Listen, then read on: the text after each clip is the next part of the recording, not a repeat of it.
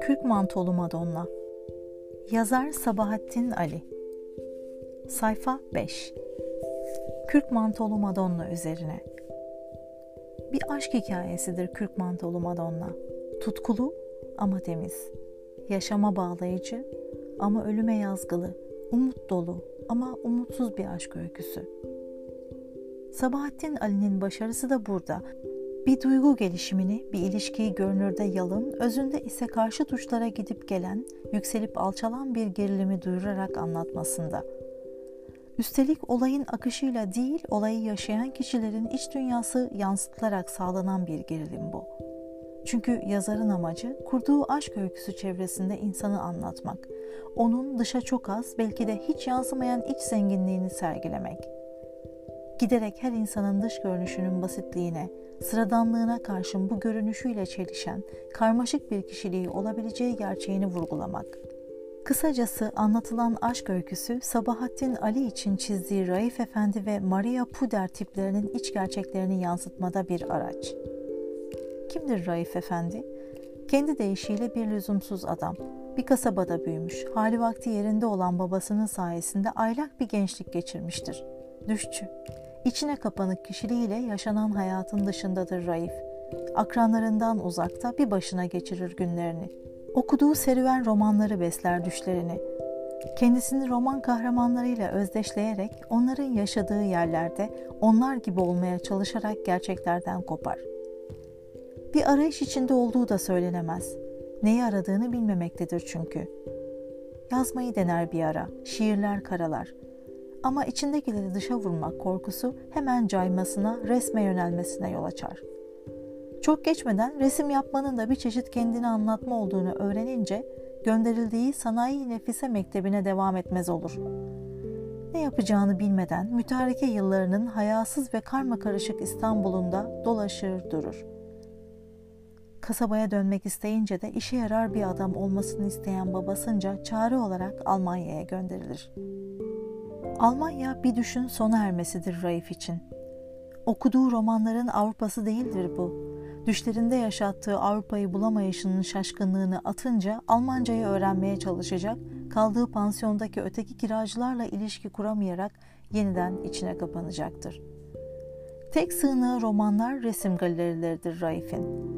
Yalnızlığın doğurduğu iç sıkıntısını, çocukluğunun ve ilk gençlik yıllarının serüven romanlarına benzemeyen, kendisinden ve çevresinden birer parça bulduğu yapıtlarla yenmeye çalışır. Müzeleri, galerileri dolaşır. Ve bir gün rastgele dolaştığı bir galeride Kürk Mantolu Madonna adlı portrenin önünde çakılır kalır. Yeni ressamların açtığı karma bir sergidir bu. Yapıt, Maria Puder adlı bir ressamın kendi portresidir. Sabahattin Ali'nin konu edindiği aşkın öyküsü de bu noktadan başlar. Maria Puder bir Yahudidir. Berlin'in ünlü kabarelerinden birinde şarkıcılık yapmaktadır. Tıpkı Raif gibi yalnızdır o da. Kendi deyişiyle hasta bir köpek kadar yalnız. Ama kişilik olarak Raif'e benzemez. Nasıl Raif birçok yanıyla kadınsı ise Maria da erkeksidir. Açık sözlü, atak, kimi zaman da saldırgan. Yalnızlığı insanlara, özellikle de erkeklere güvenemeyişi hırçınlaştırmıştır onu. Davranışlarında bir kararlılık yoktur. Her an değişmekte, sevecen bir kadınken hırpalayan bir kadın oluvermektedir. Çelişkiler içinde bocalayan bir kadındır Maria Puder. Kişilik olarak en uç noktalar arasında gidip gelmektedir. Tıpkı bir sarkaç gibi. Güleç, sevinçli, yaşama dolu derken asık suratlı, üzüntülü, yaşamaktan bıkmış. Bunun nedeni ise yetiştiği ortamdır, yaşama biçimidir. Kendisini pek ilgilendirmediğini söylese de Yahudi olması yetişme biçimini belirlemiştir Maria'nın. Yabancı bir ortamda büyümüştür çünkü. Yerinden sökülüp nebatat bahçesinde suni tedbirler ihtimamlarla yaşatılmaya çalışılan nebatlar gibidir bir bakıma.'' Sonra geçinmek, annesine bakmak için çalışmak zorunda kalması iyice katılaştırmıştır onu. Yaptığı işin başka herhangi bir işten farkı yoktur ona göre. Ama yaptığı işten dolayı aşağılanması, erkeklerin kendisine karşı takındıkları tavır inançsızlığını beslemiş, yalnızlığını arttırmıştır. İnsanlara inanmamaktadır Maria. Bunda küçük yaşta babasız kalmasının da etkisi büyüktür. Tam anlamıyla erkeğine bağımlı bir kadın olan annesini 7 yaşında bir çocuk olmasına karşın o yönetmiş, erkek tahakkümü görmeden erkekliği de yüklenerek büyümüştür. Bu durum genç kızlık yıllarında hem kız hem de erkek arkadaşlarıyla ilişki kurmasını engelleyecek, onu müthiş bir yalnızlığa mahkum edecektir. Kadınlığın edilgenliğinden, kadının hoş tutulan bir oyuncak olmak isteğinden, erkeğin de bencil, kendini beğenmiş davranışlarından, boş gururundan nefret etmektedir Maria. Daha ilk buluşmalarında şunları söyler Raife. Bilhassa tahammül edemediğim bir şey kadının erkek karşısında her zaman pasif kalmaya mecbur oluşu. Neden? Niçin daima biz kaçacağız ve siz kovalayacaksınız? Niçin daima biz teslim olacağız ve siz teslim alacaksınız? Niçin sizin yalvarışlarınızda bile bir tahakküm, bizim reddedişlerimizde bile bir aciz bulunacak? Çocukluğumdan beri buna daima isyan ettim. Bunu asla kabul edemem.'' İşte bu başkaldırı duygusal olarak çelişkiler içinde bocalasa da güçlü bir kişiliğe sahip kılmıştır Maria Puder'i. Raif'in verilenle yetinen, sevgilisini yitirmek korkusuyla pısırıklaşan, boyun eğen kişiliğine karşılık Maria'nın kendisine egemen olmadan, onu aşağılamadan, yanında yürüyecek erkeği arayan güçlü kişiliği bağdaşabilecek midir?'' Ya da Maria hayatında eksik olan şeyi kendi gücüyle bütünleşerek yaşamını yönetecek erkeği Raif'te bulabilecek midir? Sabahattin Ali, Raif-Maria ilişkisini öykülerken bu soruların yanıtını arar bir bakıma. Kişileri arasındaki ilişkinin gelişimini, onların ruhsal durumunu, iç dünyalarını irdeleyerek sergiler. Raif'le Maria'nın çelişkilerini, içinde bulundukları durumla çatışan duygularını değişik ortamlarda oluşmuş kişiliklerin ışığında vermeyi amaçlar. Anlatılan aşkın gelişim sürecinde asıl değişen de Maria'dır. Sabahattin Ali'nin andığım başarısı, kişilerine bakış açısıyla onları ele alış biçiminde belirginleşmektedir böylece.'' Sözün burasında çizilen kişiliğiyle Maria Puder tipinin Sabahattin Ali'nin öteki kadınlarından oldukça farklı olduğunu da belirtmek gerekmektedir.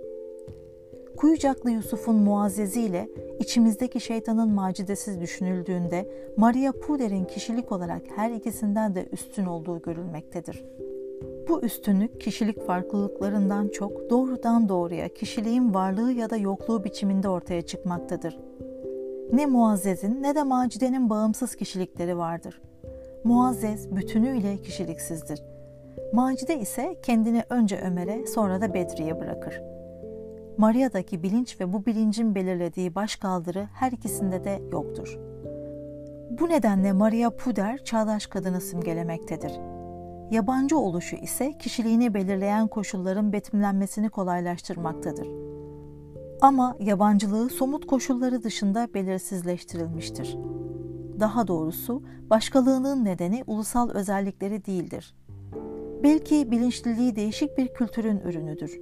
Yetiştiği ortam elbette Muazzez'in, Macide'nin yetiştiği ortamdan farklıdır.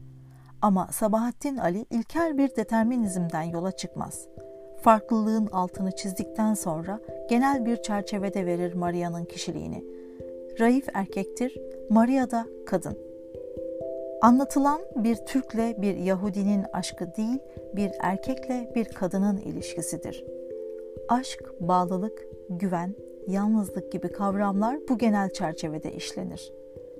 Yapısı, kurgulanışı bakımından iki bölümden oluşur Kürk Mantolu Madonna. Üstelik gerek anlatım tekniği, gerekse öz açısından bağdaşmaz gibi görünen bir bölümleniştir bu. Önce yazarın kendisi Raif Efendi ile karşılaşmasını, onun sıradan yaşayış biçimini anlatır. Bir bankada mütercim olarak çalışan, çökkün, bezgin, içine kapanmış, çevresindekilerce horlanan Raif Efendi, hiç de göründüğü, sanıldığı ölçüde basit biri değildir. Ama anlatıcı bir türlü çözemez onun kişiliğindeki gizi. Raif Efendi kılığında yaşayan Raif'e ulaşmak olanaksızdır. Bu giz ancak içine döktüğü, geçmişindeki bir olayı anlattığı defteri anlatıcının okumasına izin verdiğinde çözülür.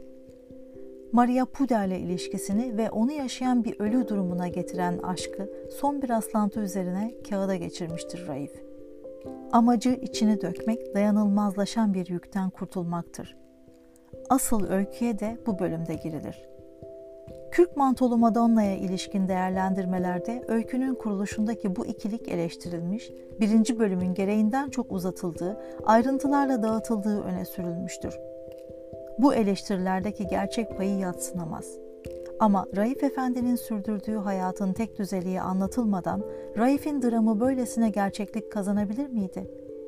Lüzumsuz adamın öteki lüzumlardan başkalığını ve iç dünyasının zenginliğini, çevresiyle uyuşmazlığını sergileyerek vermek, yalnızlığını ve içine kapanmışlığını anlayışsız, çıkar ilişkilerinin egemen olduğu ortamla yansıtmak yanlış mıdır?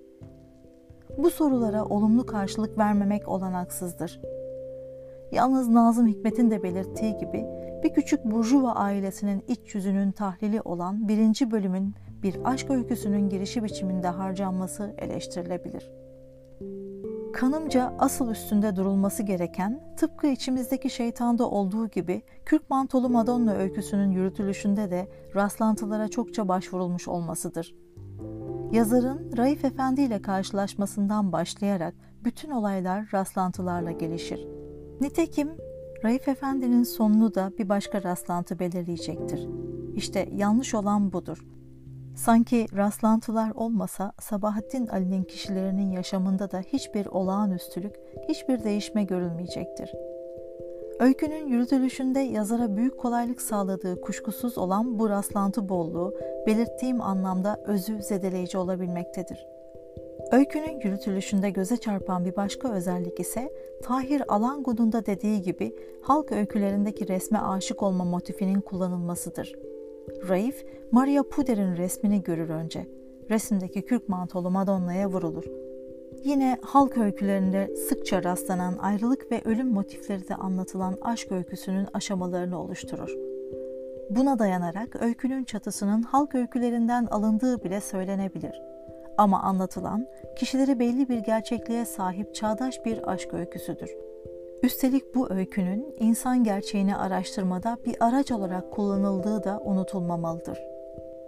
İlkin Hakikat gazetesinde tefrika edilen kürk mantolu Madonna'nın tasarlanışı, yazılışı ve Maria Puder'in kimliği konusunda bugüne dek değişik açıklamalar yapılmıştır.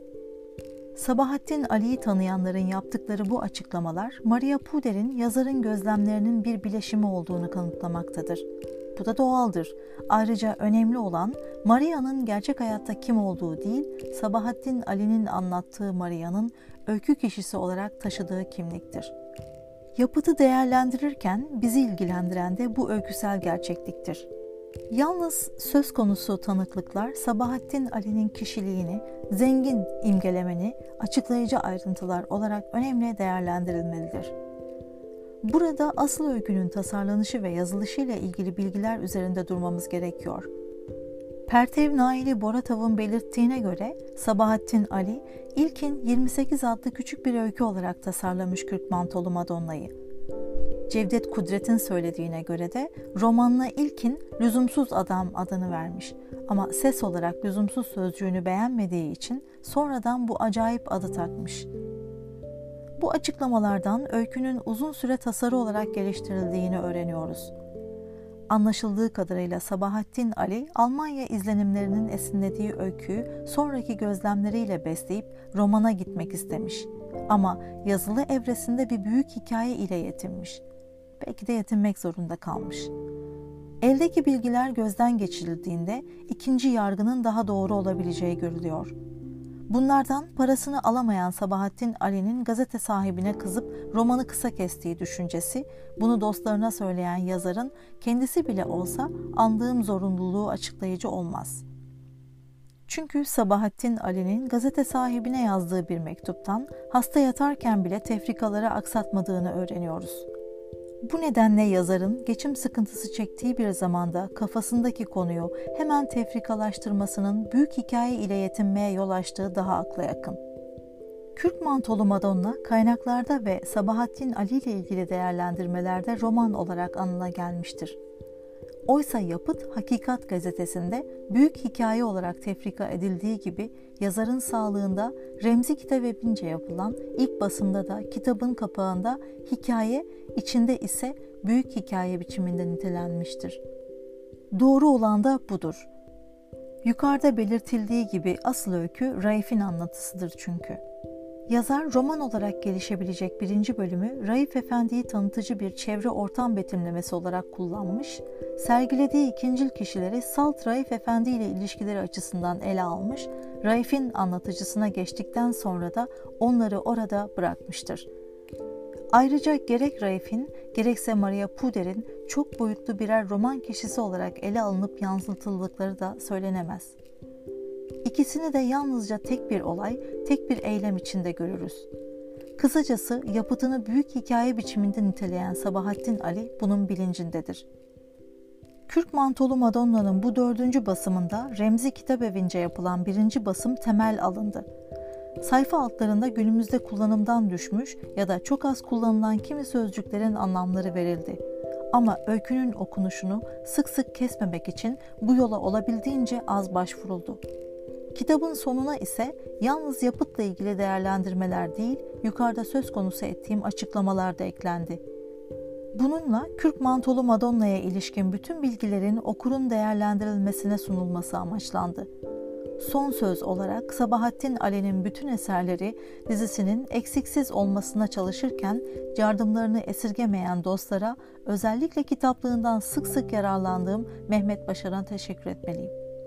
Atilla Özkırımlı 20 Ekim 1981